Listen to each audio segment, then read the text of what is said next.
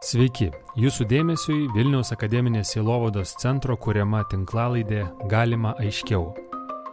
Šiame epizode apie tai, kas yra mitas, kuo apreiškimas skiriasi nuo mitologijos, kodėl apreiškime naudojami mitai.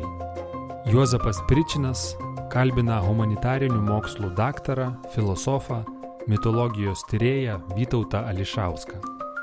Šiandien pas mus studijoje svečiuojas Vytautas Ališauskas, Vilniaus universiteto profesorius, buvęs ambasadorius prie Šventojo Sosto. Sveiki, gyvi. Gal dar kokį titulą praleido? Na, Dieve, tie titulai ką nors gali pakeisti, kai kalbėsime šiandien apie mitologiją. Tai, kaip sakoma, irgi tas e, viena iš mito koncepcijų, vat, e, tai įvaizdžio kūrimo arba vienokio ar kitokio asmens mitas. Tai šiuo atveju gal apsiekim be mitologijos. Gerai, tai jau minėt, kalbėsim būtent apie mitologiją, bet ir apie prieiškimą. E, tai norėsiu vis tiek pradėti nuo mito, tokios vulgarios gal sampratos, vulgaresnės, dažniau sutinkamos mm, mūsų taip visuomeniai mitu įprasta vadinti dalyką, kuris yra netiesa, ar ne? Taip, tai čia yra tokia labai, labai išvestinė samprata. Tiesa, netiesa, tai lygiai taip pat, kad 2 kart 2 yra 5 yra netiesa, bet tai nėra mitas. Šiuo atveju aš sakyčiau, reiktų pradėti nuo, nuo vis dėlto, kaip tik tais pas, pasakėjai, pradėsim nuo tokios va sampratos. Tai yra, kad mito sampratų yra labai daug. Ir kai kalbė apie mitą, nepaprastai sunku pasakyti, nu, apie ką iš tikrųjų kalbame. Reikia visada iš anksto apibrėžti, ap, apsitarti, kokiame laukia mes kalbame. Ar ne, mes kalbame apie, ne tik tais apie, sakykime, tuos tradicinius vat, mitus, kaip graikiški mitai, ar ne. Kalbame apie politinius mitus, kalbame apie asmenybių mitus, kino žvaigždė kaip mitas, ar ne kalbame apie apskritai m, tokias, na, suveltas idėjas kartais, va, sakome, ten mitologinis ar mitinis mąstymas, kai ten e, kokia nors pradeda įrodinėti žmonės, kad štai vakcinos ten, e, suleis vakcinas, ten išauks asilausis ar kas nors, ar bežionės uodega. Visą tai va, yra labai skirtingi laukai ir tada reikia vis dėlto žinoti, apie ką mes šnekam. Vienas dalykas, aišku, iš to skirtingumo ir suveltumo, kai bandoma rasti vidurkį, ar ne? Tai štai yra tokia serija, kuri vadinasi Very Short Introduction ir pas mus čia galima nusipirkti labai geros knygelės, labai reprezentatyvios ir labai rimtų specialistų rašomas, tai štai toks Robert Seagal knygelėje skirtoje mitui Pirmas skerelis yra tarsi mito definicija, bet jokios ten mito definicijos taip ir nerasim, bet jisai aišku akcentuoja vieną dalyką, labai svarbu, žinoma, kad mitas tai yra tam tikras pasakojimas. Bet vėlgi mes turim daugybę visokiausių pasakojimų, ne tik tais mitų, bet kol kas tai reiškia tas vat vidurkis, kad nuo kurio galima atsispirti - pasakojimas. Tada aš klausiau dar žinoma, kas pasakojime yra, fabula ne, apie ką pasakojama ir kas yra veikėjai. Ir čia vat jau tada yra sudėtingesnis klausimas, nes vėlgi, jeigu žiūrėsime iš religiotinės pusės, tai mitu galima vadinti vienus dalykus, iš filosofinės kitus. Iš folkloristo, pavyzdžiui, pusės atsiranda tokios savokas kaip legendos, padavimai, pasakos. Štai amžinas ginsas, kuo pasakas skiriasi nuo mito, pavyzdžiui, ar ne?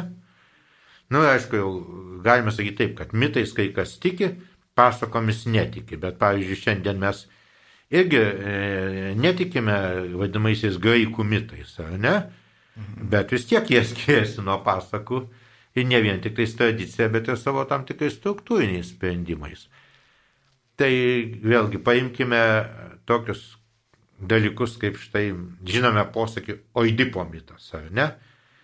Bet kodėl tai yra mitas? Kas ten mitiško įvyksta? Faktiškai beveik, beveik nieko.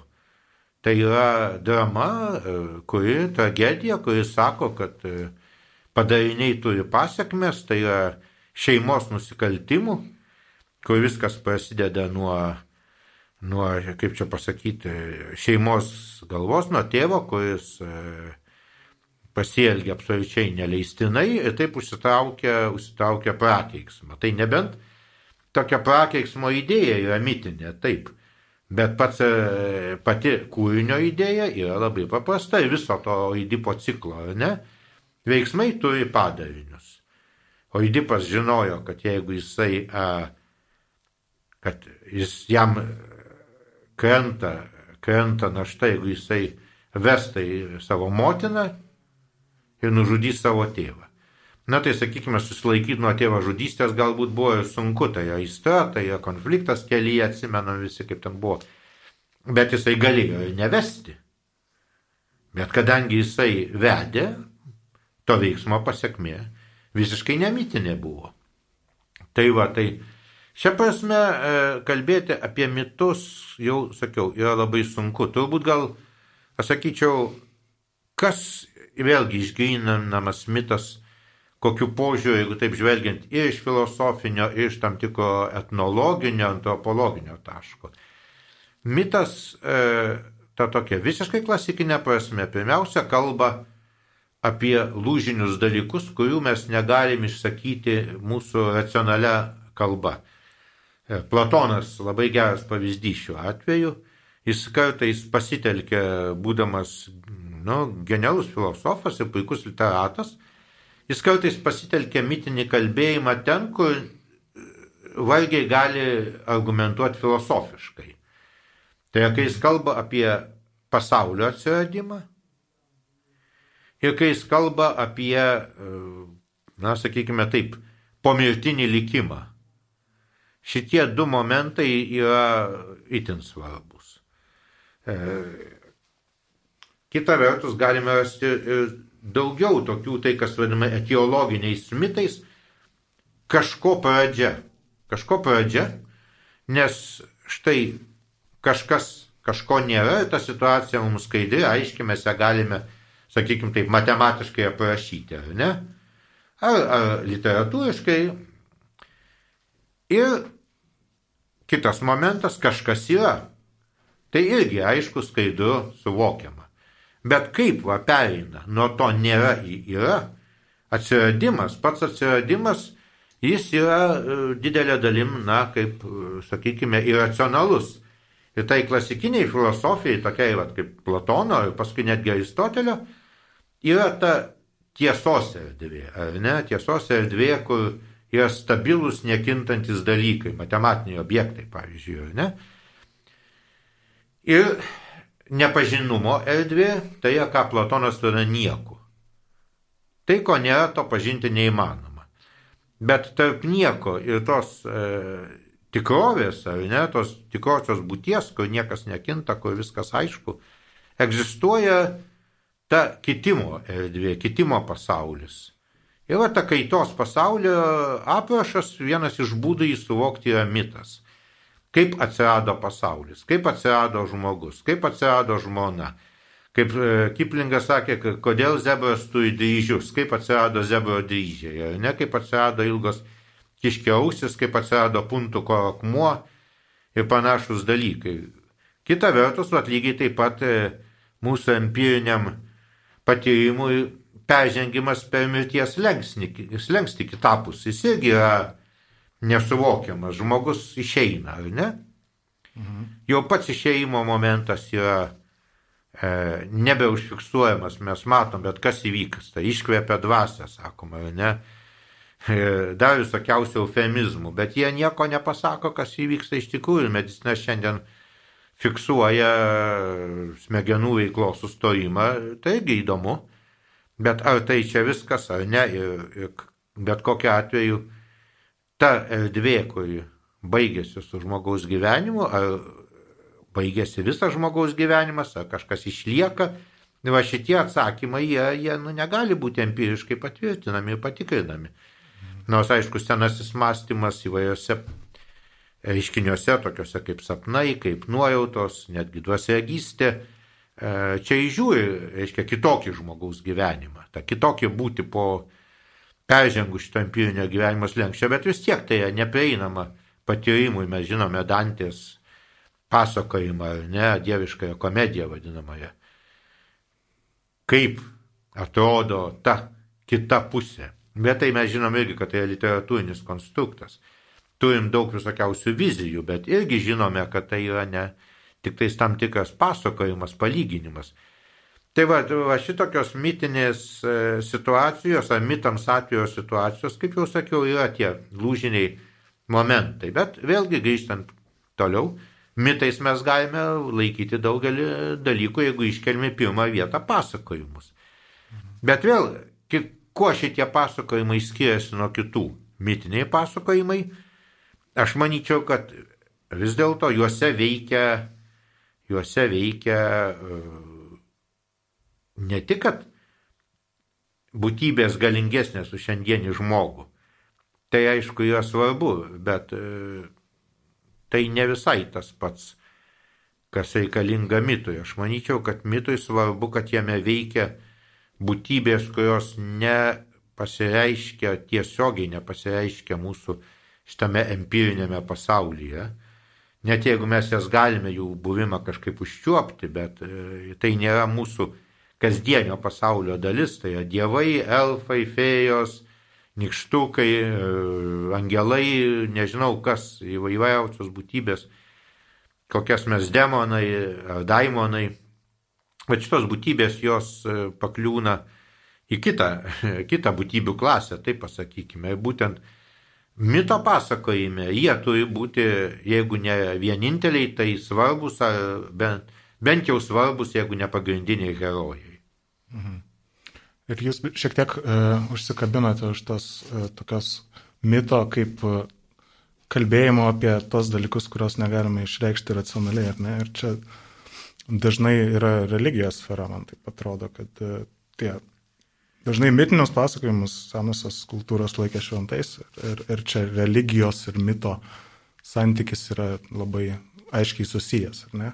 Susijęs, bet labai nelengvai apibrėžiamas. Vėlgi, jeigu žiūrėsim į didelę perspektyvą, ką reiškia laikė šventais, kas tai buvo, sakykime, paimkim vėlgi tą pačią mums gerai žinomą, jau sakykime, tarkime, gerai žinomą graikų religiją, ne? Polven, toks e, garsus istorikas antikos, jaunystėje parašė knygą, kuri buvo taip ir pavadinta ar graikai tikėjo savo mitais. Kai mes skaitome Homerą, jo Iliadą, Odisėją, ypač Iliadą, tai ten iš vis nuostabių dalykų yra, na, labai sunku patikėti, kad, kad tai yra tie dievai, kurie ten vaizduojami, yra religinio tikėjimo objektas, religinio prieimimo objektas. Čia dėl jų e, per, per nelik žmogiško taip, elgesio? Taip, žmogiška per nelik žmogiška. Tai yra, kai skaitai Iliadą, tai atrodo, kai veiksmas persikelia į Olimpą, tai jausmas toks, tarsi žiūrėtum tokį brazilišką serialą. Intrigos, gudrybės, seksas, neištikimybė, šeiminiai vaidai, susitaikinimai, visokie tokie, viskas su tokiu negana to, sakyčiau, tokiu lengvu pasakojimo būdu. Jau vien priminsiu tą patį garsų į pasakojimą, kaip, e, kaip arėjas pagavo besimylinčią Afroditę su Marsu, ar ne? Tai, tai atsiprašau, tai ne arėjas, o e, Hefaistas, arėjas e, besimylintis Afroditė surengė, surengė jiems pastus, ar ne? Ir tie spastai taukšti atsidarė, kai tie du e, griuvo į meilės glėbį vienas kitam. Dievai visi susirinkę žvengia, o Merkur Hermis, e, kažkodėl užneša mane Veina paminėjus e, į latiniškus vardus, Hermis sako, o aš neatsisakyčiau būti jų vietoje. Tai va, tai šitoks pasakojimas, nu, kuris yra jau, na, sakykime, toks žaismingas anegdotas. Ar tai yra ta griežtąją prasme religinė istorija labai abejotina. Bet yra ir kitokių istorijų, be jokios abejonės. Bet vat, jų, tų mitų statusas jau labai anksti pradėjo kelti klausimus, nes iš tikrųjų, e, kai skaitom Hesiodą, tas makabriškas kraujomaišos istorijas, iš kurios atsiranda visas pasaulis, iš brolio ir sesers ir paskui ten jų vaikai vėl tarpusavyje e, susieina ir gimsta visokie vėl siaubingi dalykai ir, ir tie dievai yra tokie atstumentis ir ten, žinote, valgo savo vaikus ir visa kita. Čia iškyla du klausimai. Pirmas tai apie ką čia iš viso kalbama, kodėl iš žmonių mes reikalaujame ko kito negu iš dievų. Ir tada aišku toks atsakymas, kad tai yra tiesiog dievai iš vis nepriklauso žmogiškojo pasaulio dėsniams. Tai tiek kitas pasaulis, kad mes jo negalime net interpretuoti adekvačiai. Bet tas paaiškinimas nieko gero neduoda. Labai anksti, sunku fiksuoti kada, bet sakykime jau su pirmu filosofinio mąstymo atsiradimu, e, prasideda bandymas tuos mitus interpretuoti racionaliai. Ne? Tuos vat, būtent mitus ne, ne ta prasme, kaip kalbėjau, kažkokios pradžios užuomasgos ar panašiai, bet ir tuos. E, bandymas interpretuoti juos kaip alegorijas, kaip nuorodas į kažką, kaip, sakykime, mitai išreiškia kažkokias gamtinės galės. Ir vad kas labai svarbu vėl, kai mes kalbame apie mitus, mituose mitų veikėjai yra personifikuoti. Filosofija bando juos depersonifikuoti, depersonalizuoti, nuasmeninti, ar ne? Tai kai kalba apie dangų ir žemę, kaip jie susijungia ir taip toliau, tai filosofas jau mato nebe taip, kaip mato Hesijodas šitos dalykus, E, jis mato tai kaip gamtos galias, kaip stichijas, kaip e, tai, ką jis stebi, net jeigu gali vadinti tai dieviškomis stichijomis, bet tai nėra, nėra būtybės, kurios primena žmonės.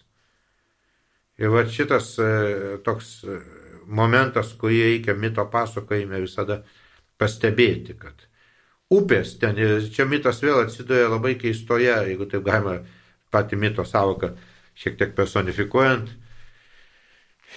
mitinis mąstymas atsiduria labai keistoje situacijoje, nes kai jis kalba apie de, deivę žemę, ne, gają, e, tai daugia yra deivė, kuri turi visą seriją visokiausių nuotikių, atsitikimų, gimdo vaikus ir taip toliau iš vienos pusės, bet jis turi tą žemę, kurią valstietis trempia, vaikšto, Paskui kaip Sofoklis Antigonės e, Stasime sako, e, tos galingiausios seniausios deivės krūtinė kasmet raižo savo žambio ar arklą, ne? Ir va tas empirinis, e, kasdieniškai suvokiamas ir eksploatuojamas nors žemės paveikslas, jis kažkaip turi sueiti su mitiniu. Ir kaip aš, aš nežinau, aš negaliu paaiškinti, tik matau tą didelę įtampą. Mhm. Ir vėlgi lygiai taip pat kaip ir daugelis kitų gamtos reiškinių, kurie yra ir personifikuojami, ir puikiai suvokiami, arba štai kokios nors visos upės ar ne, ežerai ten, jeigu tą patį Hesiodą skaitysime, jie suvokiami kaip dievybės. Vėlesnis racionalistinis mąstymas jau kalba paskui apie upės dievybę, seit kažkokią nuo upės atskirą dvasę, kuri, na, turi savo gyvenimą ir kuri tiesiog tiesiog tą upę ar tai globoja, ją atstovauja, ją naudojasi. Bet iš tikrųjų tas pirmapradis mitinis mąstymas kažkokiu būdu vienam į vieną sulieja. Vat, ir ta dieviškąją tikrovės pusė ir žmogiškąją. Ir šitą labai sunku, žmogiškai, netgi sakau, eksploatuojama. Labai sunku šitą suvokti aš manau, kad čia yra, mes jau esame praradę šitą galę taip mąstyti iš karto. Mhm man toks klausimas kyla, vat, yra e, tiesos tokio progresyvumo teorijų nemažai, kur e, apšvieto ypač plinta. Aiškinamas senesnis žmogaus mąstymas, reiškinių, gamtos reiškinių, bandymas juos kažkaip suvokti ir duoti jam paaiškinimą. Ir apšvietos tradicijai po, po truputį matosi toksai judėjimas istorinio proceso kažkur į priekį. Kad tai anksčiau žmonės mąstė mitiškai, po truputį po to filosofiją keitė, racionalizavo šiek tiek mitinį mąstymą, galiausiai nu, nugali mokslinis tas mąstymas. Tai ar nėra čia problemos kažkur, ar mes nu, taip nubraukę mit, mitinio Na jau seniai nebenubraukiam, bet e, aš labai norėčiau, kad apšvietos tradicija, jos optimizmas būtų pagrįstas, bet dėja, nu, mes matome, kad nėra taip, nėra taip. E, mitinio mąstymo elementai, ir tai nėra blogiausia, kas, ką galima įsivaizduoti, labai stiprus jo po šiai dienai. Aš jau nekalbu apie įvairias e, tokias, na, e, stipriai mitologizuojančias religijas, bet e, kalbu apie, apie daugelį tų kasdienių tokių reiškinių. Na, aš tai pavyzdžiui sakau jau. Tas, ta, ta, tas pats mitinio mąstymo persunktas kalbėjimas apie, sakykime, skiepus, ar ne? Daugelis esminės, aiškia, samokslo teorijų.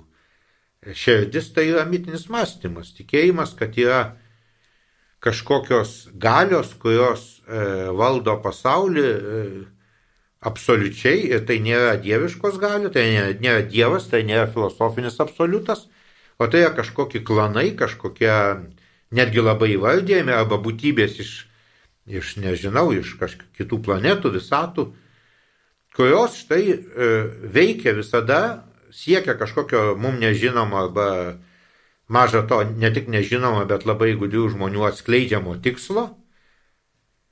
Ir čia, aš sakyčiau, yra tas svarbus dalykas, kad vėl bandymas suteikti pasauliui aiškumą, tą pasaulį interpretuoti, bet kadangi mes, e, pasakykim tiesiai, taip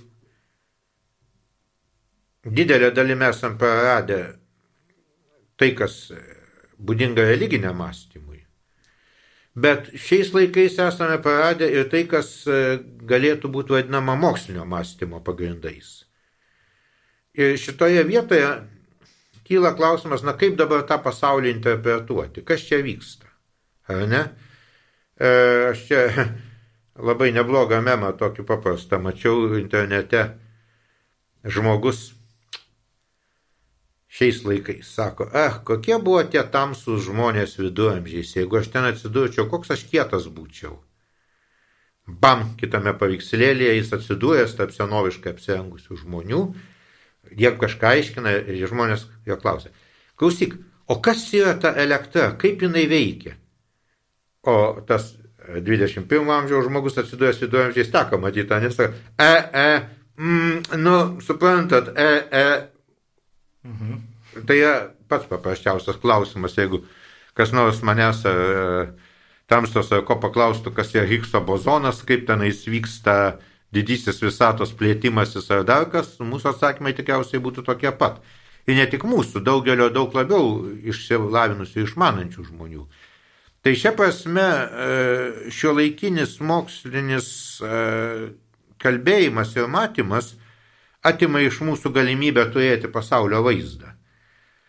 Ir tada lieka toks keistas dalykas, aiškia, kaip kažkada Bultmanas kalbėjo, kad štai va tipiškas mitinis pasaulio vaizdas yra tai aukštis dangus, kur gyvena dievai ar dievas, angelai, žemė, kur vaikšto vat, mirtingiai žmonės ir požemis, kur gyvena jų vėlės, ne?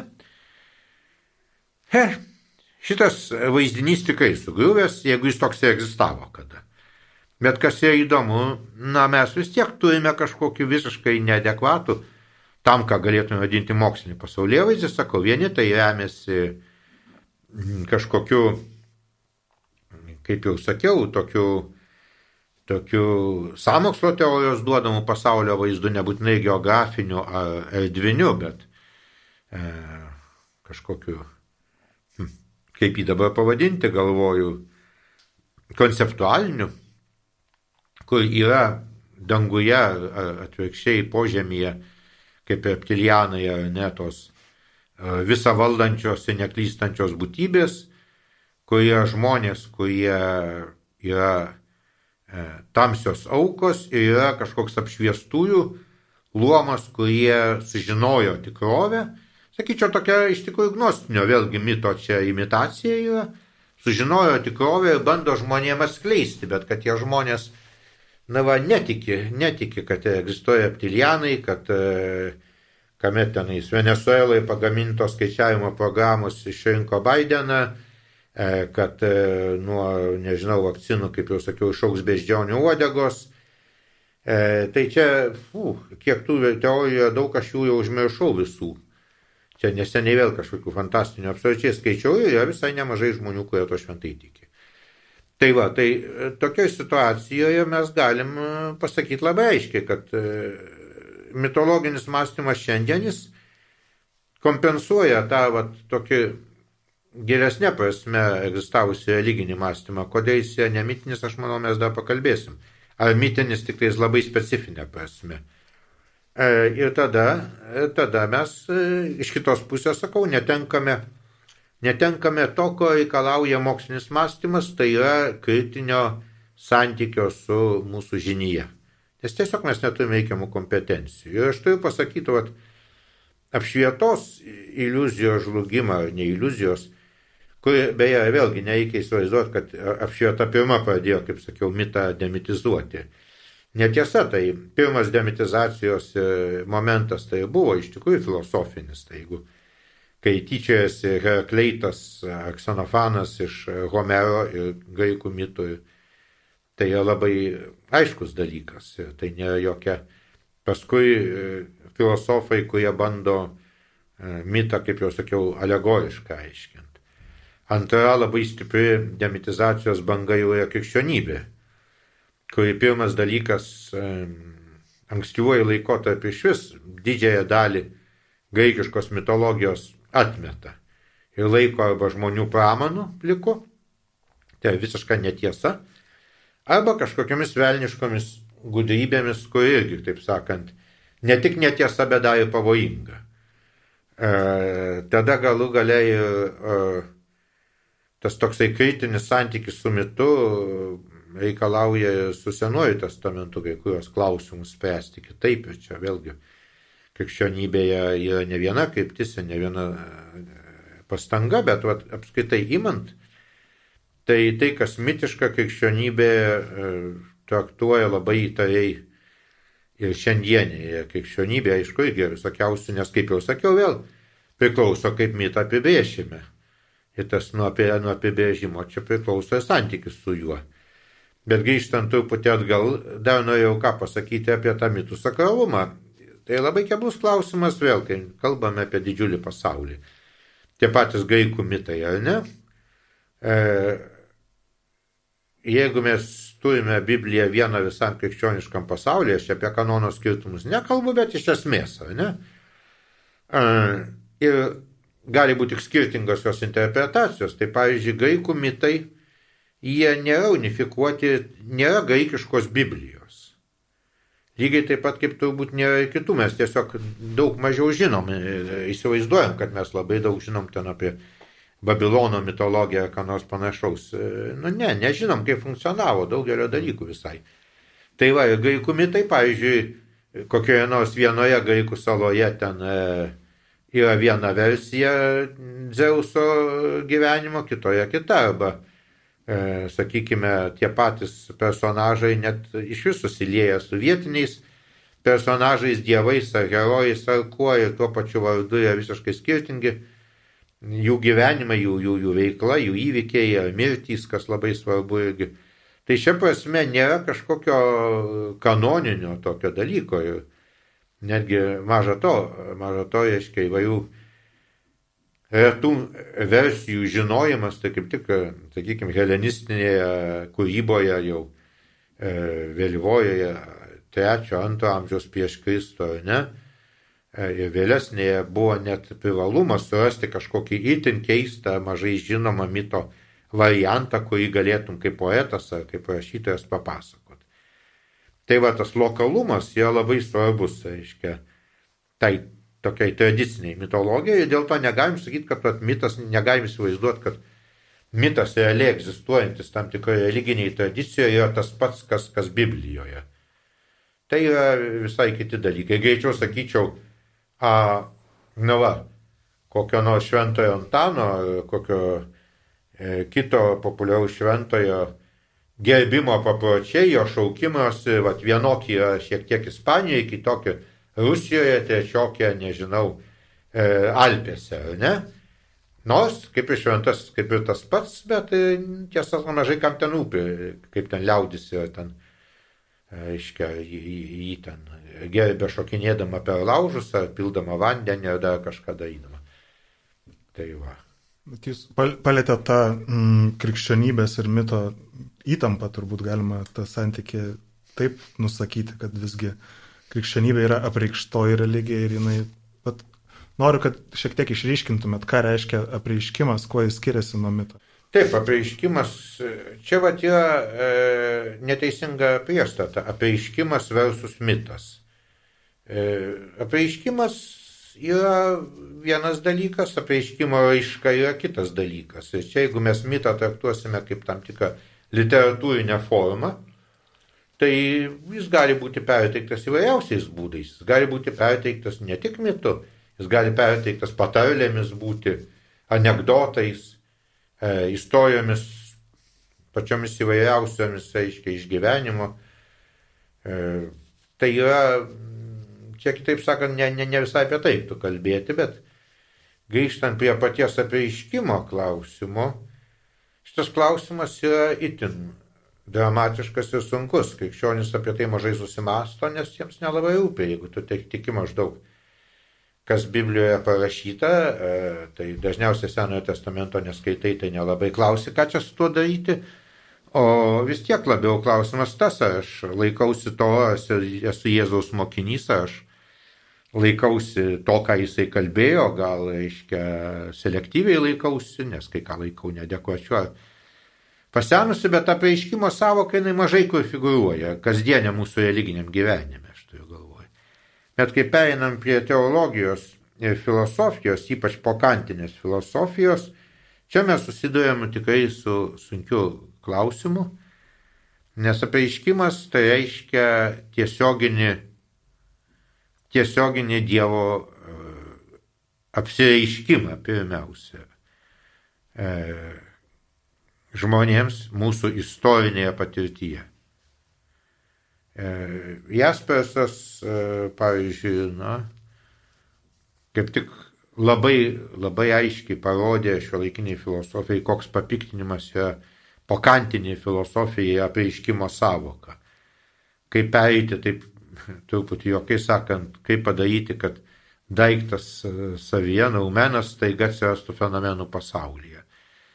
Krikščionybė čia labai aiškiai turi apreiškimo centrą Jėzų Kristų, Dievo sūnų, Dievo žodį, kuris yra, va, ta tokia paradoksaliai idėja, ir Dievas ir žmogus tuo pačiu metu ir nesumaišant jų prigimčių, bet ir netribojant. Tai yra iš tikrųjų toks dvigubas negatyvus apibrėžimas, kad mes nežinome, kaip, kokiu būdu Jėzus yra ir Dievas, ir žmogus. Bet aišku, kad tai yra, nėra kažkoks kentauras, nėra hybridas, nėra pusdievis, ta prasme, kaip pusdievis buvo Achilas, ar, nežinau, kitos, kiti senieji herojai, ar ne? Pilnai žmogus ir pilnai Dievas. Taip, ir čia yra dalykas. Ir tada, bet tik šitokia formulė mums leidžia pasakyti, kad Dievas iš tikrųjų atsiskleidžia pilnąją prasme, kas jis yra. Ir tai yra, nepamirškim, ką Evangelija duoda, kokį vardą Jėzui, kurio jis taip formaliai nenaudoja, bet būtent, tai yra Emanuelis, Dievas su mumis. Ne tas transcendentinis Dievas, kuris ir toliau išsaugo savo transcendenciją ir apie kurį mes e, nieko iš tikrųjų rimto negalim pasakyti nei filosofiškai, netgi religiškai, nes, kaip žinote, Senojo testamento herojai išvykę Dievo manifestaciją, na, tai kas vadinama Dievo viešpatės Jahvės angelas, sušunka ką? Aš mačiau Dievą, dabar turiu mirti. Tai nėra dalykas, kuris leidžiama žmogaus empirinėje tikrovėje, ne? Na, jie nemiršta laimė, bet, bet tai jie dėl to, kad šventasis raštas mums duoda suprasti, duoda suprasti, kad vis dėlto tai buvo tik Dievo tam tikra, na, priedanga, ką jie matė, Dievo imitacija, Dievo iliuzija, galima taip pasakyti, lygiai taip kaip vėlgi pagoniški vadinamieji mitai, na, tai mes žinome tuos pasakojimus, kas, kas ištiko Dzeuso meilužę Semelę, kuri įsigeidė pamatyti Dzeusą, kas jis yra iš tikrųjų. Žinote, kad Dzeuso apsireiškimas jinai sudegė, tik išgelbėjo jos vaisių Dionysą Dzeusas paskui ir taip toliau ten. Bet tai yra žmogus nepajėgus pakelti dievybės artumo. Ir Jėzus šiuo atveju yra visiškai kas kita. Ir kaip tik tas maksimalus Jėzaus nusižeminimas ir prisėmimas. Žmogaus lemties nuo, nuo, nuo paprasto gimimo iki, iki tokios mirties, kuri iš tikrųjų yra e, visiškai ne, nekilni, visiškai neherojiška, nepatetiška. Tik tai tai Dievą padaro žmogiškos tikrovės, vat, na negali sakyti dalimi, nes Dievas niekada nėra dalis. Bet va būtent čia šitas Emanuelio vardas atsiskleidžia, Dievas su žmonėmis yra, su mumis. Ir čia yra tikrasis apreiškimas, Dievo artumo apreiškimas. O visa kita jau yra e, tokie ilgi teologiški samprotavimai, kuriuos čia sunku leistis nes čia iš karto kyla klausimas e, Biblijos įkvėpimo, kurioje ne viena teorija, katalikų bažnyčia mm, ją formuluoja taip, kad irgi išsaugoma, kaip ir įsikūnyjime, buvo išsaugoma visa žmogiškoji prigimtis, tai lygiai taip pat, nepaisant to, kad tikrasis autoris Biblijos yra Dievas, daugia toks pat tikras autoris yra žmogus ir visa žmogiškoji prigimtis šventajame rašte ir išsaugoma. Pradedant tokiu labai elementariu dalyku, kad rašoma rašalu ant rašymo medžiagos, raidėmis, kurios yra, kaip sakoma, išrastos žmonių ir kurias mes fiziškai matom. Ir paskui jau visais kitais semantiniais lygiais, prasmės lygiais, pradedant kalbiniu, netgi, reiškia, lygių gramatika, sintakse, pasakojimo formomis, idėjų ir taip toliau. Visa tai yra mums empiriškai suvokiama, bet, bet daugia, kas čia įvyksta, reiškia, šitie pasakojimai, bibliniai pasakojimai, jie be abejonės kai kurie turi labai aiškius mitiškumo požymius. Bet daugia jie yra e, netokie jau elementariai mitiški, kaip galima pagalvoti. Nes e, kai mes skaitome, pavyzdžiui, pradžios knygą, negarsiuosius pasakojimus apie pasaulio istorijos pradžią, mes susidurėme atidžiai skaitydami ir žinodami be abejo kontekstą, susidurėme su kaip tik mito kritika. Pirmiausia, kritika, kuri atkreipta į tuometinę kultūrinę tikrovę. Štai toks paprastas dalykas, pradžios knyga, ne? e, pasaulio sukūrimas. Dievas padaro žvaigždės ir šviesulių, saulę ir menulį. Sunku pasakyti, kaip vos nejausmas, kad įsuka lemputės į dangų. Ir pasako, kad jie tarnautų ir rodytų e, laikus, kad žmogui būtų patogu skaičiuoti jo veiklą. Tai yra visiškai atvirkščia soliarinių dievybių kultui, ne, ne tik soliarinio, astralinių, iš vis kosmoso. Žvaigždės, Saulė, Mėno, čia yra galingiausi dievai. Jie valdo žmogaus likimą, jie valdo visą tikrovę. O čia mes matome staiga, kad e, jie yra viso labo kūrinys. Ir toks kūrinys, kuris, nu, jis netgi toks, na, kaip ir irgi suvokiamas, kaip beje Platonas ir Aristotelis irgi matė taip, tokias kaip savotiškai gyvas būtybės žvaigždės, ar ne? Bet suvokiamas kaip tarnaujantis kūrinys, kaip tiesiog šito viso didelio pasaulio dalis, kuri, vat, pasaulio, kuris įrengtas žmogui gyventi. E, visa kita irgi labai panašiai atrodo. Reiškia, jeigu mes žinome tą patį garsų babilonietišką mitą arba kitus kai kuriuos, jeigu neklystų Pietų Amerikoje yra analogų, jei atmintis neapgauna, tai pasaulis atsiranda iš titaniškos kovos, iš e, kovos su chaoso jėga, yra du pradai ir taip toliau. Tuo tarpu Biblija jau pačiu, pačia pirmo eilute e, yra antimitinė, sakyčiau. Pasakymas pradžioje Dievas sukūrė dangų ir žemę nėra pasakojimas. Taip, jeigu galima tai sakyti, tai teiginys, kaip angliškai sakytume, statement. Paskui tai yra išplėtojama į pasakojimą, bet tas pasakojimas yra veikiau sakmė negu mitas, veikiau poema negu mitas. Ta prasme, kad e, jame nepretenduojama į tokį tikrovės suvokimą, sakau vėl, mes nežinome, kiek žmonės skirtingo, aišku, skirtingo įsilavinimo ir taip toliau, kiek tie žmonės rimtai priėmė va, tokias visokias baisybės, kaip ten perkirto Tiamat, ten Mardukas ir sukūrė dangų ir žemę, bet kas Biblijoje yra? Ten nėra jokios kovos, ten Dievas pasakė ir atsirado. Ir nėra jokių, tiesą sakant, mūsų fantaziją užkabinančių dalykų. Pasakė ir atsirado, tai atsiskyrė ir atsiskyrė. Labiau primena iš tikrųjų šio laikinį kažkokį mokslininką darantį, jeigu galima taip truputį pasakyti, kažkokį mokslinį eksperimentą. Ne, na, sako, dabar čia pabandykime. Paspauskime šitą, pažiūrėsime, kas įvyks. Atsiras bozonas ar ne. Tai šia prasme dar to negana. Pačiame pasakojime yra indikacijų, kurias jau bažnyčios tėvai pastebėjo, kad tai nėra pasakojimas, e, kuris pažodžiui pavaizduoja, kaip buvo. Nes jau pirmas pasakymas, kad Dievas kūrė septynias dienas ir per pirmą dieną, pirmą dieną nebuvo nei Saulės, nei Mėnulio ir dangaus šviesulė atsirado. Tik paskui, tai kas yra tos dienos, tai jau reiškia yra indikacija, Tai yra labai aiški vėl savotiška, na, dekonstrukcija mito. Kad iš tikrųjų galimas toksai pasakojimas, bet jis nėra tas pats, kas babilonietiški mitai, ar ten asiriški, ar ten, nežinau, šumeriški.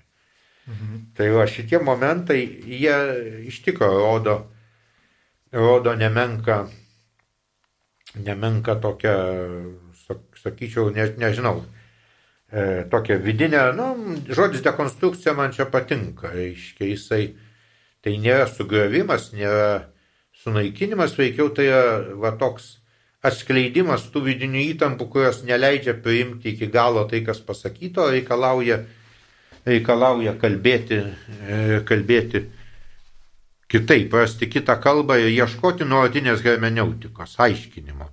Negali va čia pasakyti, nes iš karto bet koks žmogus sakys, o tai kaip čia yra, kodėl Dievas baigė štai šitą savo darbą pirmą dieną ir, ir ką, o kur Saulė, pagal ką pamatavo tą dieną. Ir paskui, aišku, jau kai kalbam apie vėlesnį laikotarpį, kai kalbame apie pačios pradžios knygos sudarimą, matom dar vieną dalyką. Du visiškai skirtingus pasakojimus padėtus vieną šalia kito. Vienas pasakojimas prasideda pačia pradžia ir sukūrimu, ar ne, šviesos. Ir, ir antras pasakojimas atsiranda visiškai nuo kito galo, nuo Adomo sukūrimo. Ir visa ta istorija, kuri paskui jau įvyksta rojoje. Tai jis yra visiškai kitokios kilmės ir tiesą sakant, nu, nelabai suderinamas su tuo, kas yra pirmojame pasakojime. Reiškia, E, tai yra, galima taip sakyti, toksai savotiškai stereoskopinis pristatymas. Ir abu tie pasakojimai jie yra, sakau, ne tiek, ne tiek mitas, kiek vadinčiau, drįščiau sakyti jau arčiau to, ką mes šiandien vadintume modernės samprotameninės vaizduotės padaras. Tai va čia yra labai svarbus momentas. Ir sakau, šitaip mes atsiskiriame, reiškia, nuo tų pagoniško mito tokio, na, e, net nežinau kaip jį pavadinti, naivaus, naivaus savęs kaip tiesos prezentavimo. Man dar klausimas kyla, štai žydai savo tikėjimą vis tiek suvokia kaip vienintelį teisingą tikėjimą, kaip jie gauna prieiškimą, kuris leidžia jiem garbinti Dievą teisingų būdų, kuomet visos aplinkinės tautas e, yra pagoniškos, meldiškos. Tačiau žiūrint į religijotyrininkų, mitologų tyrinėjimus, ypač po to, kai Giglames šepas buvo iššifruotas, tai pastebima, kad daugelis Senojo testamento pasakojimų, ypač pradžios knygai, kaip pavyzdžiui Tvano, pasakojimas apie Tvaną, apie Nojų. Šie pasakojimai buvo įtakoti aplinkinių kultūrų, konkrečiai šiuo atveju Babilono. Ir babiloniečiai irgi turėjo panašus pasakojimus. Tai šitas, ši išvalga dažnai pasitelkiama kritikuojant tą patį Biblijos e, įkvėptumą ir, ir taip toliau. Kaip žydai gali turėti vienintelį tikrą apreiškimą, kai aplinkinės tautos štai irgi tais pačiais pasakojimais remiasi. Įkvėpimas ir literatūrinės formos, tai čia visiškai skirtingi dalykai, nes Biblija gali jau kritikuoti, sakyti, kad įkvėp, neįkvėpta jau vien dėl to, kad parašyta konkrečia apibrėžta kalba, hebrajų kalba. Ir aišku, kad tie žmonės gyveno konkrečioje realioj tikrovėje ir idėjų, ir vaizdinių, ir poetikos, ir be abejo kultūrinėje tarpėje. Nu, tai e, kai mes, pasakysiu taip, e, 90 metais esu jau be galo senas žmogus, susidūrėme su realiu vakarų pasauliu, matėm, kaip mums sunku susikalbėti. Ne tik dėl tos komunistinės patirties, bet apskritai mes priklausome tai vat, vidurio rytų Europos kultūrai, o ten yra kiti, visai kiti įvaizdžiai, kiti juokeliai, kiti nežinau, valgymo įpročiai. Yra tam tikros kultūrinės terpės. Tai taip, artimieji rytai yra ta terpė. Ir semitinės kalbos jos sudaro vieną šeimą, o ne kelias. Tai vienas dalykas. Antras dalykas, ten e, tas skolinimuose ar įtakų, norisi pasakyti, mitas, jis jau yra gerokai pasenęs dalykas. Iš tikrųjų, e, vienu metu buvo maniakiškas noras ne tik apie Bibliją, apie bet ką viską išvesti iš Babilono, nu, buvo madinga, buvo tai visiškai nauja.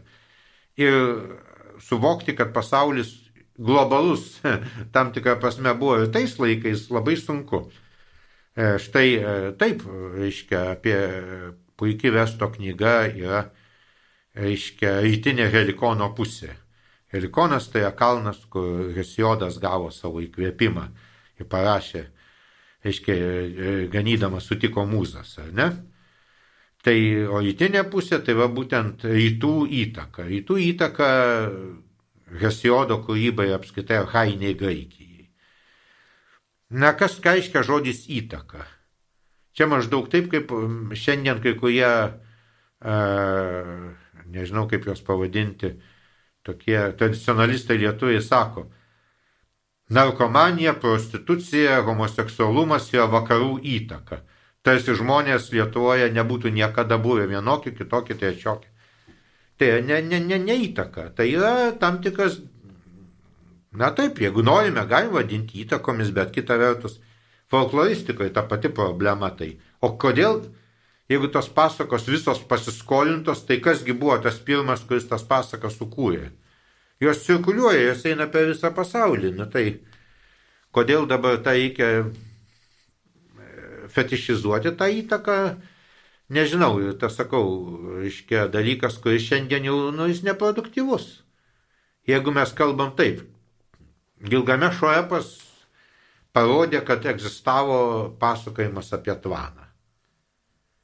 Ir čia visi tarsi e, turėjo nustėrti, ir iš tikrųjų nustėro ypač tie, kuriem buvo turbūt naudinga tema disertacijoms. Bet kokia čia naujiena? Taigi mes žinom tokį pat pasakojimą iš graikų apie tvaną. Ir tai nebuvo jokia paslaptis nei bažnyčios tėvams, nei e, klasikiniams mokslininkams, nei 19, nei 20 amžiai niekam nepaslaptis. Na bet čia buvo va, visiškai naujas intriguojantis dalykas. Nu gerai ten. Šiek tiek kitaip ten parašė, kad Gilgamešas ten išgyveno tvaną, na, išgyveno, yra, taip, yra detalių ir visą tai kaip. Taip, visame tame regione egzistavo pasakojimai apie tvaną. Jeigu norite, yra pasakojimai apie tvaną Pietų Amerikoje. Jeigu tikėsime kai kuriais folkloristais, lietuvių pasakojimai apie tvaną yra autentiški, o nepasiskolinti iš krikščionybės. Tai ką dabar su tuo daryti? Klausimas yra, ką tie pasakojimai pasakoja. Ir Biblijos žinia yra kita. Ir Biblijos žinia yra įrašyta į visą pasaulio istoriją. Ir kas labai svarbu, jinai duoda progą matyti ne tik tais tą santyki nuodėmės ir atpirkimo. Ne? Mes tarsi matome pasakojimą kaip tokį žmonijos degradacijos Ir tvanas čia yra galutinis taškas, tarsi, ir nušluoja tvanas, ar ne, visą tą senąją žmoniją. Mhm, išskyrus vieną šeimą. Išskyrus vieną šeimą. Ir ta šeima, kuo jį pasižymė? Tikėjimu. Ir pasikliovimu Dievu. Ir čia tokia idėja, kuri mažai žinoma senovės pasaulyje. Tas va tikėjimo momentas, kuris paskui krikščionybėje iškyla. Esmė tai gali būti daugybė pasakojimų, kurie visiškai panašus, bet e, iš to mhm. niekas neplaukia. Ant ko yra sudėti akcentai. Taip, tai jie, jie, ta prasme, jie yra labai vertingi, nes jie mums iš tikrųjų ne tik savaime, aišku, irgi jie įdomus, bet labai svarbu tai, kad jie mums padeda suprasti giliau biblinį pasakojimą. Nesakau, būtent palyginimas rodo, kuo jisai skiriasi. Ir tada mhm. supranti, kiek originalus buvo tas įkvėptasis, jeigu jau norim, autorius. Nes jau kaip sakiau, jeigu mes čia dabar pradėtumėm analizuoti papunkčiui visą pasakojimą pasaulio sukūrimo, tai pamatytumėm, nu, kad jis iš tikrųjų, sakau, yra tokia, e, gali būti skaitomas kaip polemika su visa e, babiloniška kosmologija ir antropologija. Vat kas yra. Mhm. Taip ir ten pasakoja irgi, kaip ten, reiškia, babiloniečiai, kaip ten žmogų nulipdo iš, ir Dievas ten irgi tarsi įkvėpia kažkokią dvasę, bet kai pradedi gilintis, matai, kad vėlgi pasakojimas yra kitoks. Ar tenais reiškia, vėl mes turime, neužmirškime dar vieno dalyko. Visa tai yra labai fragmentiškos kultūros. Ir mūsų skaitimas yra toks pavojingas kita prasme, kad mes galime pernelyg bibliškai įskaityti viską, kas rašoma e, tuose tekstuose. Nes mes turime jau tokią hermeneutinį horizontą, iš kurio jau paskui va, ten, reiškia, kažkokį suteikia paveikslą, sako. O, tai čia tas pats, kas Adomui. Mhm. O iš tikrųjų, nu, nežinom, kas ten kalbama. Čia yra bėda, kad e, labai, labai drąsu taip, e, aišku, tas entuzijazmas pirminis, aš sakau, skaičiau tuos senus tekstus yra ir lietuviška tokia knygelė labai nebloga prieš karą išleista, vadinasi, Biblija ir Babelis. Tai buvo amžina tema, reiškia, pirmus kokius 20 amžiaus 30 metų, tai čia buvo, nu bet įsivaizduokit, tai buvo epochinis atradimas, tai žmonės kol aproprijavo, kol suvokė, su kuo turi reikalą, tai jiems buvo tikrai labai smagu, dabar jau tai ne, ne, ne, nekelia jokio entuzijazmo tokio, na taip, na, yra pasakomas apie tvaną. Ir daugybė visokio tai e, Prometėjo mitas, ten pasakojimas graikų apie tai, kaip žmogų padarė, Tiesa, paskui sužinom, kad ten viskas kitai buvo, bet e, visi tie dalykai, jie ne, ne, nėra, čia, skau, skaitoma ne iš tos pusės, reiškia. Klausimas yra, niekam nebuvo niekada paslaptis, kad Biblija yra, kaip jau ką tik sakiau, savo epochos dalykas. Tai yra, nėra dalykas, kuris būtų atsiradęs iš lūbų. Tai būtent tasai Dievo žodžio žmogiškumas jis yra nepaprastai svarbus. Bet kita vertus mes matome, kad Biblija tapo tekstu, kuris peržengia epochas ir dėl to kiekvieną kartą jinai skaitoma naujai. Tai pavyzdžiui, aš esu tikras, kad tie pirmieji e, pradžios knygos pasakojimų skaitytojai, gal netgi dar tada, kai jie klausytojai netgi, kai dar nebuvo net sudėta į tą knygą, jie suvokė tą pasakojimą kitais aspektais ir matė kai kurios kitus visiškai akcentus, bet e, esmė išlieka ta, kuri mums duoda pagrindinę žinią, kad visa tikrovė yra Dievo kūrinys. Ir kas ten bebūtų, viskas yra išėję iš Dievo rankų ir nėra blogio, kuris šalia Dievo egzistuotų kaip savarankiška tikrovė. Mhm. Tai yra labai svarbu. Nuo tos atkartojamas refleksas ir refrenas kad Dievas matė, kad tai yra gera. Man dar norisi grįžti šiek tiek vat, prie pradžioj ten liesto klausimo. Mitinė kosmologija, mes jau modernų žmonės esam linkę ją nurašyti, nes tiesiog turim astrofiziką. Bet kaip vat yra, vis tiek mitai pasakoja dažnai labai, jie duoda elgesio modelį, jie duoda ne tik kosmologinius aiškinimus, bet ir antropologiniai dalykai ten žaidžia labai. Tai ar nėra taip, kad žmo, moderniam žmogui, kuris šiek tiek turi tą pernelyg skeptišką žvilgsnį į mitinius pasakojimus, ar jisai neišmeta viso ir kūdikio su, su, su vonios vandeniu, kaip angliškas posakis yra. Jis mhm. ne, ne, neišmeta per daug? Na, kaip čia pasakius, vėlgi, e, aš nežinau, ar, ar žmogus šiandien būtinai turi tikėti, kad e, Dievas savo ranką pirštų užrašė dešimt įsakymų ant lentelių E, veikiau jisai jau remiasi kitų autoritetų, pirmiausia, žinoma, savo, to vėlgi, reiškia, krikščionišką tradiciją ir tikrovę ir tuo, ką Jėzus pasakė, išvardindamas pats tuos įsakymus. Bet e,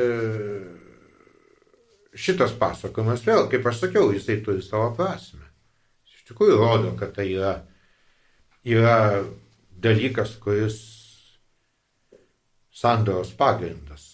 Dievas parodė Mozei daugybę dalykų, ten kaip palapinę statyti, kokius indus daryti, taip toliau, bet esminis dalykas tas, kad jis padavė jam šitas lentas, kurias tiesa paskui Mozė sudaužė, ištiktas sielvarto, jau vien šitas vaizdas vertas. Ne, nežinau, yra vienas iš įspūdingiausių, nors keliais žodžiais, tai pasaulio literatūros elementų, neatsimenu, kaip Mozė leidžiasi štai neždamas šitas lentas ir staiga pačioj pamato siaučiančią minę, kuri garbina aukso veršį. Ne? Na tai, e, taip, tai šitie visi tekstai ir pasakojimai, jie turi gilę prasme ir jų mes niekaip negalime išpiltą išmesti. Aišku, apaštaras Paulius, jeigu norim, štai demitologizavo, ne? Kalbėdamas apie tai, kad e, yra širdžių lentelėse, bei jau pranašais remdamasis, kad širdžių lentelėse įrašyti Dievo įsakymai. Kas dabar kartais labai taip sufilosofintai aiškinama kaip prigimtinis įstatymas, aišku, Akvinėtis remdamasis Aristotelį tai kalbėjo, bet, bet čia jau kita tema visiškai. Bet pats faktas, kad žmogaus tikrai kažkokia prigimtyje yra tai, ko Dievas nori iš jo, ne? Tai yra dalykai, kurie tikriausiai yra tam tikra, sakau, demitologizacija, kad tai nėra Dievo pirštas, nėra tos akmens e, plokštės, kur išaižai, o kaip egiptiečiai darydavo, ne? Arba net ir kitos senovės tautos įstatymus, nu, graikai kartais vario plokštėse išaižydavo, bet ir akmens Tai va, bet iš tikrųjų, iš tikrųjų tai yra dalykas, kuris, vėlgi čia simbolinė kalba, nu mes žinom, kad ten širdį nėra jokių lentelių ir kad jeigu bandytum iš širdyje ką nors išaiždyti, baigtųsi labai nekaip žmogui. Bet mes šitą jau lengviau suprantam, bet sakau, tai yra ne kažkoks mitas, ar ne?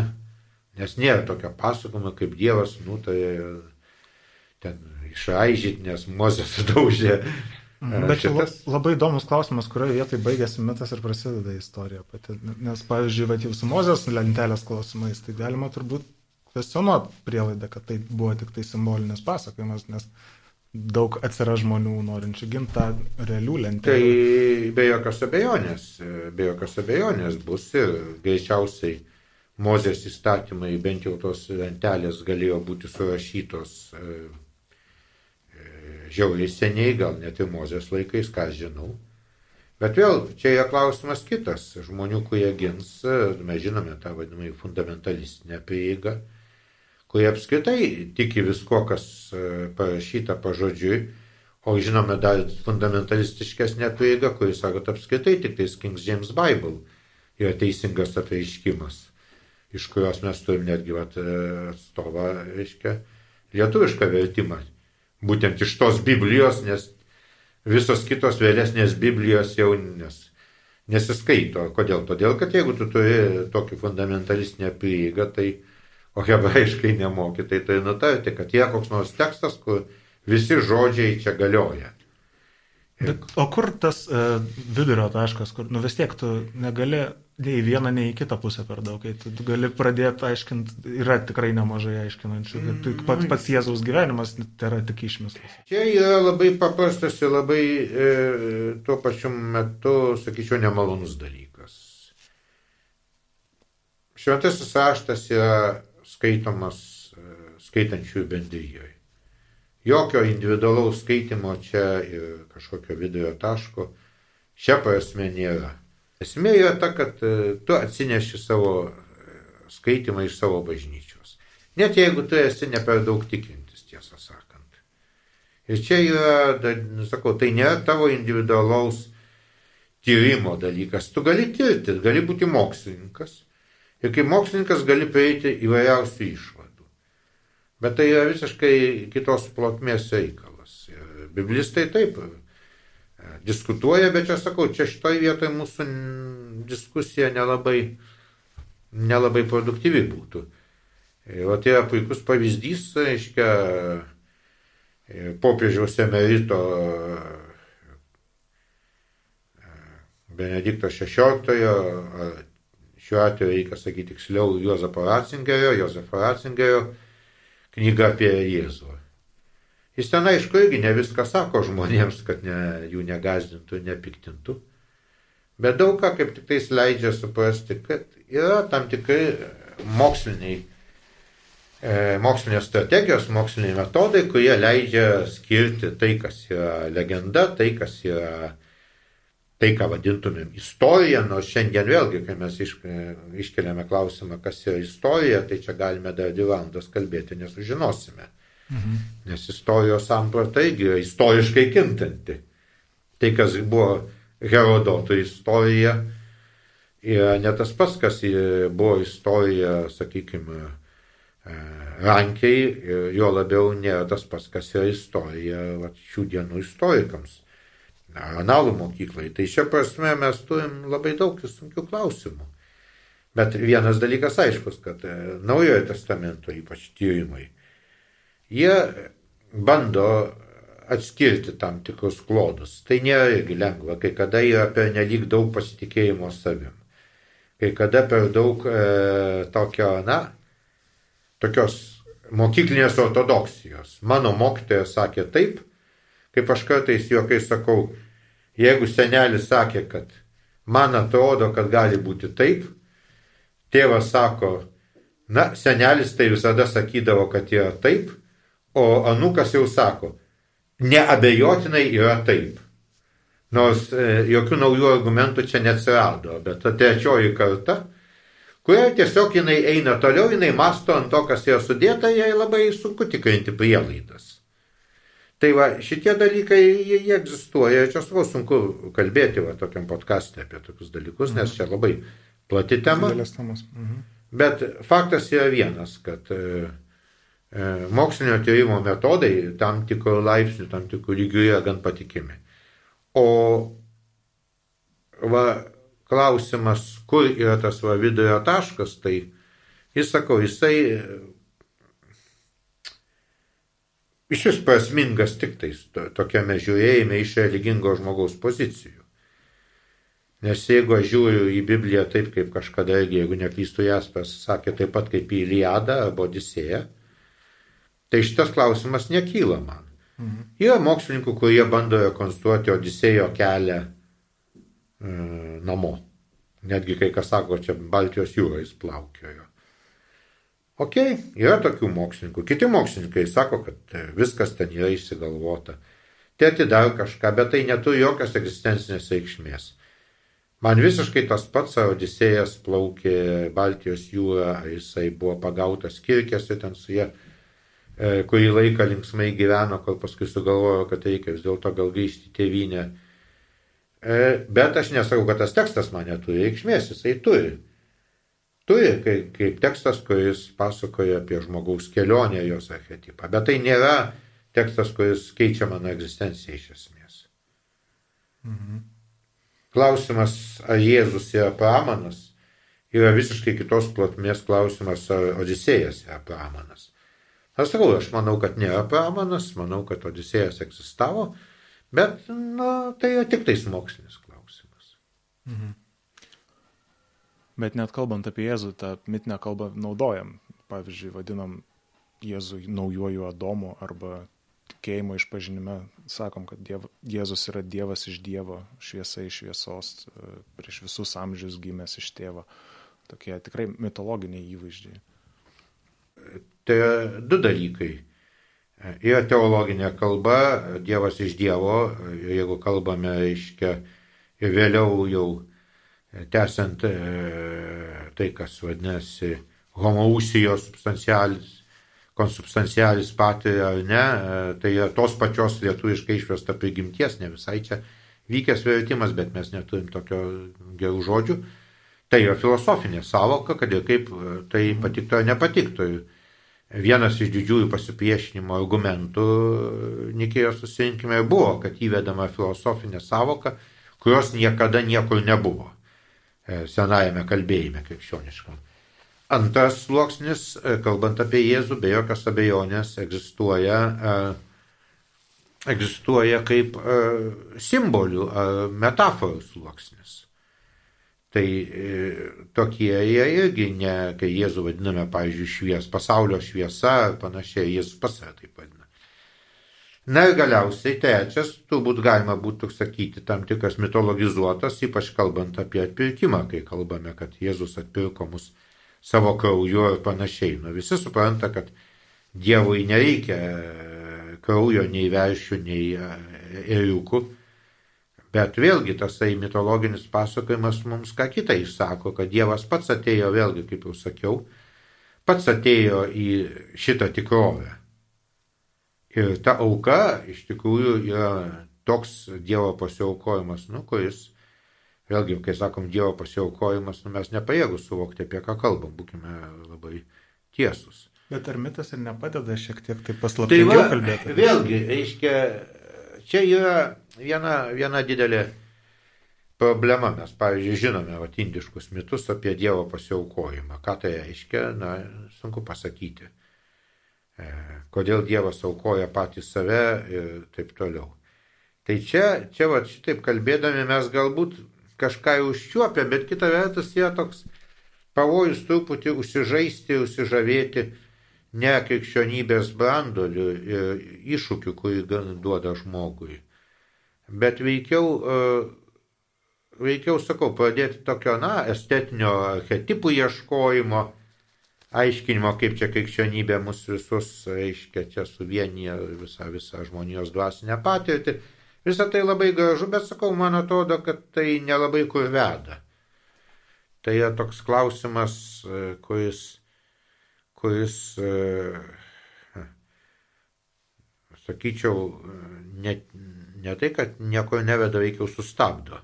Išaldo mus tokiame, vat, mąstymė, nu, nukreipia, kaip jau sakiau, nuo paties brandolio, bet aš suprantu, truputį čia kitas gal klausimas. Klausimas, ką apskaitai, reiškia, tos tikriausiai krikščionybės demitologizacijos šūkio, ne? Kuris yra, vat, ne visai ne visai dabar vėlgi adekvatus. Jis kažkada buvo nepaprastai madingas, paskui, sakau, prasidėjo kalba apie mito prasme. Bet iš tikrųjų, man atrodo, Bultmanas, kai kalbėjo 20 amžiaus viduryje apie krikščionybės demitologizaciją, te bus man atleistas įžulumas, pats nelabai žinojo, apie ką kalba. Nes jo mito samprata yra tokia, na, vėlgi labai sąlygota kanto. Reiškia, jisai sako taip, kad, nu, taip yra dalykai, ne, kurių mes negalime išreikšti mūsų tokiu paprastą kalba, tai yra neempiriniai dalykai. Todėl, reiškia, senieji va, žmonės, reiškia, juos išreiškia mitiškai. Be to paveldydami, na, visą tą pagonišką ir primityvų triaukščio pasaulio vaizdinį, ne, Bet dabar tie dalykai nebeveikia, nes, kaip sakė Bultmanas, negalima naudotis elektra ir tuo pačiu metu tikėti angelų buvimu. Ar stebuklais kokiais nors. Nu, kodėl negalima, tai nežinau, jau kaip matėme, žmonės naudojasi ne tik elektra, bet ir kompiuteriais ir tas, na, žinoma, elektra. Bet tas jiems visiškai netrukdo tikėti, kad Žemės gelmėse gyvena reptilianai e, kad karalienė Elžbieta ir Obama buvo reptilianai, ok. Bet e, klausimas yra kitas dar. Jisai sako, kad dabar mes galime išsakyti ar persakyti Evangelijos žinę filosofinę kalbą. Bet e, juokingas dalykas yra tas, kad filosofinė kalba nėra labai universali. Jeigu mes bandytumėm iš vis jau šiandien, mes puikiai žinome, kad viešai, na, sakykime taip, tomistinėmis savokomis jau nebekalbama, nes tiesiog niekas negali suprasti. Bet jeigu mes bandytumėm išsakyti kantiškomis, haidegeriškomis, ar net nežinau, kokiomis savokomis, tai lygiai taip pat niekas to nesuprastų. Ir jeigu dabar pasirinktumėm kokią kitokią filosofinę mokyklą, tai būtų tos mokyklos kalba. Ir įsakymas krikščionybės ar teologijos, teisingiau sakant, e, krikščioniškosios filosofinė kalba yra, na kaip jis, vidujai teis, ne tik teisėtas. Galima sakyti, kad teologija visą laiką reikalauja to, kas yra fides queris intellectum. Tas tikėjimas ieškantis pažinimo, supratimo teisingiau. Bet klausimas yra kitas. Klausimas, e, kad nereikia užmiršti, kad visa hermeneutika yra ribota. Ir tai, vat, kai mes ateiname iki krikščionybės brandolio, kai kalbame apie atpirkimą, taip mes galim sakyti, kad atpirkimas žmogų atveda tai dar į autentišką būklę, ne tokią egzistencialistiškai kalbant. Bet vis tiek, reiškia, va, mūsų pašnekovai gal, o kas ta autentiška būklė, ką tai reiškia autentiškas, kas tai yra. Vis tiek turi grįžti prie tokių labai paprastų dalykų ir aiškinti, ar kalbėti, ar savo atsakyti, kurie, nu, nėra ne, ne griežtąją žodžio prasme techninė filosofija. Ir dėl to uh, Bultmano idėja, ta demitologizacijos idėja, jinai iš esmės kaip? Uh, ta demitologizacija vyksta nuolatos, kiekvieną kartą, kai mes einame į tam tikrą ir hermeneutika, ir, ir, ir paranezė, tą aiškinimą, kaip mes turime kaip krikščionys gyventi ir kaip suprasti.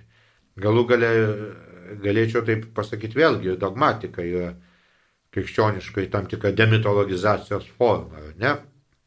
Sakykime, trejybės dogma, ne, tai atima iš mūsų galimybę įsivaizduoti mitologiškai kaip tris dievus dievą, ar netgi iš tikrųjų griežčiausia žodžio prasme mes net ir Kristaus ar įsikūnymą ir, ir dabartinį buvimą su tėvu, na labai sunkiai, labai sunkiai priimame vaizdinių kalba, taip yra paveikslų, kur Jėzus sėdi tėvo dešinėje, iš jų skraido balandis, bet visi suprantam, kad tai yra simbolika tik tais tam tikra nuoroda, bet niekas daugiau. Ir lygiai taip pat, ir, kaip sakiau, ir, ir kristologinė dogma ir daugelis kitų, kitų teiginių iš jų plaukiančių, kaip tik yra demitologizacijos veiksmas. Atima iš mūsų tą ir tai, ką Bultmanas suprato, būtent pirmiausia, kaip vaizdų į pasakojimą. Tai va senelis sėdintis e, su ilga barzda danguje, Ir dažnai menininkų nepaprastai įspūdingai prisiminkim Mikelandželą, ne, jau ten nesenelis, ten yra iš tikrųjų kažkoks galiūnas, kuris spinduliuoja nepaprastą jėgą, bet kuris yra, kaip ir Senajame testamente sakoma, praamžis štai, bet mes žinome, kad danguje nesėdi toksai gražus senolis su didžiulė barzda apsuptas. E, ten irgi viso, nežinau kaip jį pavadinti, viesulo, visos piečiaus angelų. Nuolankiai turim sakyti, kad štai šitas yra tik tais mūsų vaizdinys. Tai šia prasme, taip, tai yra tik pagalba ir bandymas kažkaip fiksuoti mūsų jūslinį patyrimą, nes jis reikalauja irgi perno. Mes turime akis, ausis, nosį, galų gale mastome vaizdinius, bet, bet iš kitos pusės sakau, tie dalykai visą laiką egzistuoja su bažnyčios mokymu. Žinoma, žmonės įvairiai įsivaizduoja, bet kai mes skaitome mistikų galutinį patyrimą, visur kalba, randame apie tą naktį, e, nežinojimą, nepažinimo, nežinojimo debesį, kaip čia neseniai išėjusi viena iš senų mistikų e, knyga, vadinosi.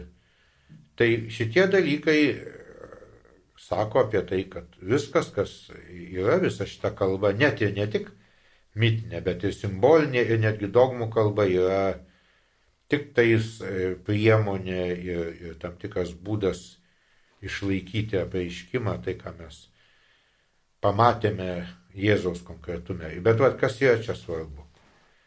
Jėzaus gyvenimas yra visiškai nemitas. Ta prasme, kad jame nėra jokio mitinio elemento. Taip yra ten dalykų, kurie gali būti kai kieno vadinami mitu, sakykime, Jėzaus atsimainimas, e, bet tai yra vėlgi čia klausimas, kodėl, ką, ką tai reiškia, kokia teologinė interpretacija šito įvykio ir kaip jis susiformavo šitas pasakojimas.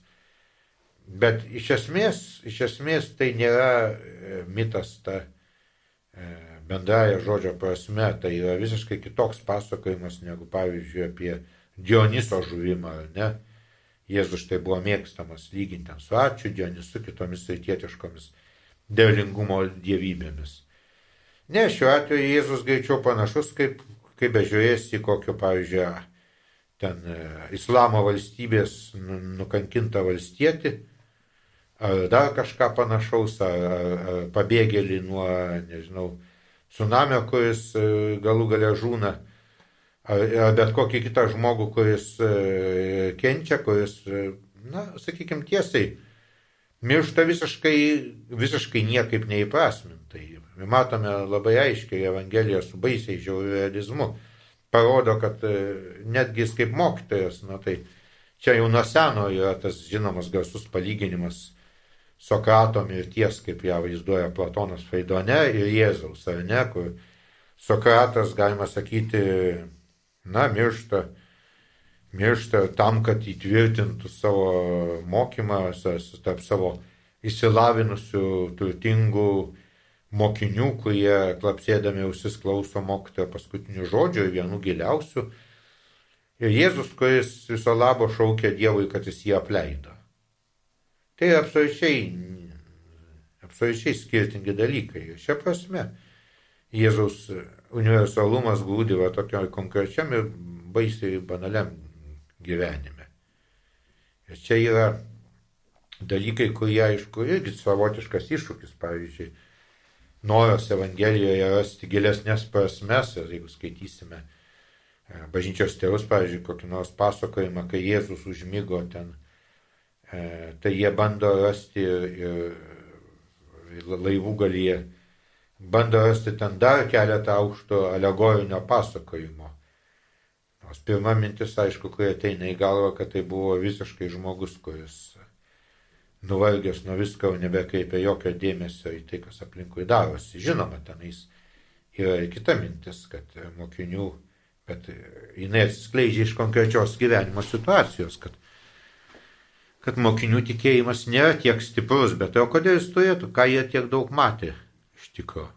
Ir tas vat, žlugimas, galima sakyti visiškas žlugimas, kai mokiniai įsilaksto, kai nieko nebelieka nebėra net tos tokios va, prasmės, kuri vadintųsi ten testinumu ir taip toliau. Tik e, Jėzos prisikėlimas, kas jau yra visiškai iš, iš kito, kaip sakyti, iš kitos plotmės ateinantis dalykas, ką nors keičia. Bet šiaip jau va, tai, ką Jėzus patyrė kaip žmogus, yra visiškai, visiškai ne, netitinka to įprasto mitinio modelio. Nes, nu, jis tie iš ties, nu, ką tu čia gali pasakyti, sakau, Antikinis beje va visas pasaulis tai suprato labai gerai. Tai pagrindinė ir rimčiausia kritika, nu sako, kokia čia dievybė. Kokia čia dievybė, pažiūrėkite, kaip jisai gyveno ir kaip jisai mirė. Ne, nepaisant to, taip, ten stebukladarių buvo tuo metu daug. Ir tiesą sakant, Jėzus kaip stebukladarys antikinį pasaulį labai mažai stebino, nes e, tokių buvo pakankamai, vieni buvo šarlatanai, kiti nežinau kas, bet faktas tas, kad, kad tai nebuvo kažkas išimtinio, kas e, šokiruotų. Bet tuo, kad Jėzaus tasai, toks sakau, varganas gyvenimas, kuris niekaip nesisėja su tuo tikruoju dieviškumu, Va šičia buvo antikinės kritikos taikinys. Ir Celsą, kai skaitom, paskui Porfirijų, kurie, reikia pasakyti, buvo labai protingi žmonės ir krikščionybės kritika tikroji labai nedaug pasistumėjo nuo antikos laikų. Čia tai irgi, kaip ten bežiūrės į pažangą, bet mąstymė nėra labai daug pažangos. Ir, ir sakau, ta klasikinė kritika, jinai va atremta į šitą. Bet vat, man klausimas kyla, ar tas įvykis brutalus, sakykime, nu, tiesiog mirtis ant kryžiaus, ar ne, nusikaltelio mirtis. E, ar pats faktas būtų sužaidęs be, be viso vaizdinio, kurį žydai nešiojasi, e, Adomo pavyzdžiui. Mes čia turime jau retrospektyvų matymą. Evangelija kalba Jonas ypač, kad štai ateis e, dvasia, kuri vesi tiesos pilnatvę. Kitaip sakant, Jėzaus gyvenimas yra perskaitomas jau iš naujo, viso, viso, visos Senojo testamento, jeigu taip galima jį pavadinti, ne visos žydų tautos istorijos kontekste ir perskaitomas e, žmonijos istorijos kontekste. Tai va tada, kai bandoma rasti atsakymą, kasgi čia įvyko, tai tada pradedama matyti taip, tai uh, Šventasis Paulius kalba apie Jėzų kaip apie naują Adomą. Ir taip, uh, bet tai nėra, aš manau, kad kur yra problema. Tai nėra vėlgi mitinis kalbėjimas, nes uh, aš nesu tikras, kad Paulius taip šventai įstikinęs, kad Adomas yra toksai, toksai žmogus, kaip įsivaizdavo, pavyzdžiui, kokie nors vėlesni ezoteriniai žydų mokytojai arba net ir vat, krikščionis, kad tai yra kažkoks pražmogis ar ne. Jeigu Paulius ir galvoja apie Adomą kaip žmogų, nors tai sakau, manau, kad jis jį suvokia veikiau kaip tam tikrą simbolį, bet jeigu ir galvoja apie Adomą kaip apie, Adomą kaip apie žmogų, tai tasai žmogus yra, atkreipkite dėmesį, jis yra būtent žmogus, visiškas žmogus, kuris nepaisant to, kad gyvena Dievo artumoje tarsi, sugeba nusikalsti, padaryti nuodėmę, klysti ir sugadinti visą savo istoriją. Čia irgi, kaip sakoma, reikia taip mokėti. Retas literatūrinis personažas taip, taip savo istoriją sugriauna ir sugadina, kaip Adomas. Tai va čia yra tas, kad Pauliaus kalbėjimas šiuo atveju greičiau yra tai, ką, tai kas tradiciškai yra tipologija, įžiūrėjimas, va štai, kad Kristus kažkaip realizuoja Dievo planą. Ir čia jau yra vėl, kai kalbam apie mitą, Dievo planas, nesvarbu kaip jį pavadinsi, atkurti autentišką mūsų egzistenciją, atvesti mus į rojų, jeigu norim, čia toks jau mitinis būtų pasakymas, ar ne? ar dar kokią nors savokų galim sugalvoti. Bet jis nėra iš esmės mitologinis, jis taip, tai kalbėjimas gali būti, mes galim tai skaitome apokalipsę, ne, apie iškimą Jonui. Tai nežinau, čia tos savokos tinka, ar tai vis dėlto veikiau simboliai, įvaizdžiai. Sakau, labai sunku taip išpreparuoti tą kalbą, simbolinę kalbą ir mitinę kalbą. Ne kai kas tai nematė didelio skirtumo. Bet kai skaitome, kaip, e, reiškia, vinėlis bus garbinamas rojui, kaip agento katedros altoriuje pavaizduota, ne, panašus dalykai, na, tai juk nėra, arba kai skaitome apie šventyklą danguje, kur angelai išeina, įeina ten, e, aukoja smilkalus, tai suprantame, kad e, tai yra kas kita, kitokia kalba ir tie 24 vyresnieji, kurie meta vainikus garsiai ten šaukdami avinėlio garbiai.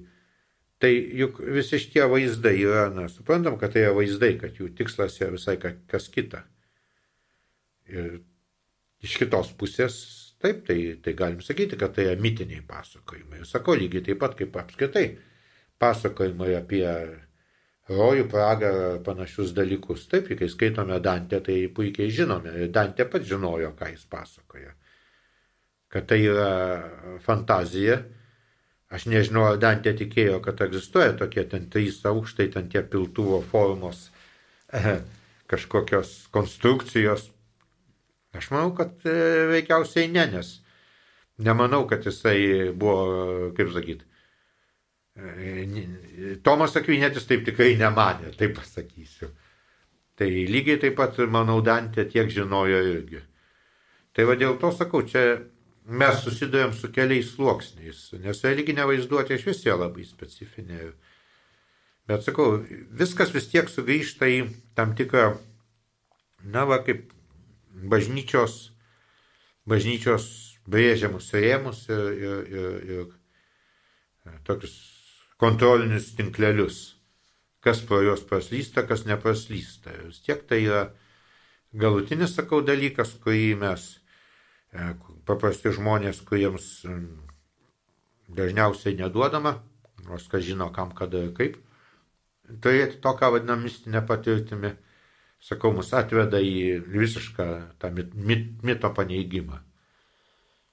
Nes ten peržengiam bet kokio vaizdinio bet kokio empirinio ir ne tik empirinio, bet apskritai verbalinio, kokio norime, kaip jį pavadinti, nežinau, lygio dalykus. Tai, ką arba mistinis patyrimas atneša, tai arba yra neišsakoma, arba tai yra išsakoma kaip tamsa, kaip negatyvumas, kaip nežinojimas, nepažinimas, bet daugia, daugia kaip aukščiausias žinojimas, kurio mes negalime čia suformuoluoti iki galo. Ir tai yra labai toks dramatiškas, e, dramatiškas pasakojimas, ne, nesimsiu jo interpretuoti ar vertinti, bet kai sako, kad Tomas Akvinėtis gyvenimo galės, taiga patyrė kažką, kas, ką jisai pasakė, kad, a, visa, kas čia padaryta, yra šiaudai. Jo padaryta, ta prasme. Na, bet kaip kitas išmintingas autoris sakė, šiaudai labai gera medžiaga įsiliepsnuoti ugniai. Tai va, tai šiuo atveju Mes negalime, neturime nieko nuvertinti, bet turime atsiminti visą laiką tai, kad tai yra tai, ką mes patiriame, nėra absoliutu. Dar šiek tiek grįžkime atgal. E, minėjot Bultmano pavardę, jis Literonas buvo, ar ne? Taip, Literonas buvo labai pasmerktas Literonų bažnyčios. Mhm. Čia nereikia įsivaizduoti vėl, mes kartais įsivaizduojame taip kažkaip savotiškai. Ne, Bultmanas buvo labai radikaliai atmestas būtent bažnytinių struktūrų. Ko jis norėjo, jis pats nelabai turbūt žino, sakau. Tai buvo bandymas aukštyn kojom grūnančiame pasaulyje kažkaip staiga, na, pabandyti krikščionybei suteikti šviežumo ir, ir, ir pagalvoti, nu, kaip čia, kaip čia tame aukštyn kojom grūnančiame pasaulyje išlikti, išlikti stačiam, jeigu taip galima pasakyti. Ir tada sakai, nu, atmeskime šitos pasenusius dalykus, iš tikrųjų dalis jų visai pasenusių yra. Antra vertus, kai tu esi labai akademinis žmogus, va, kaip ir Bultmanas, ar ne?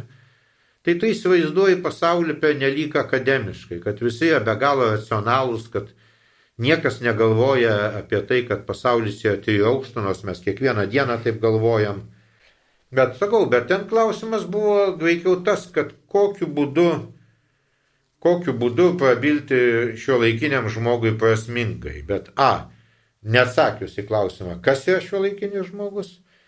Ir B,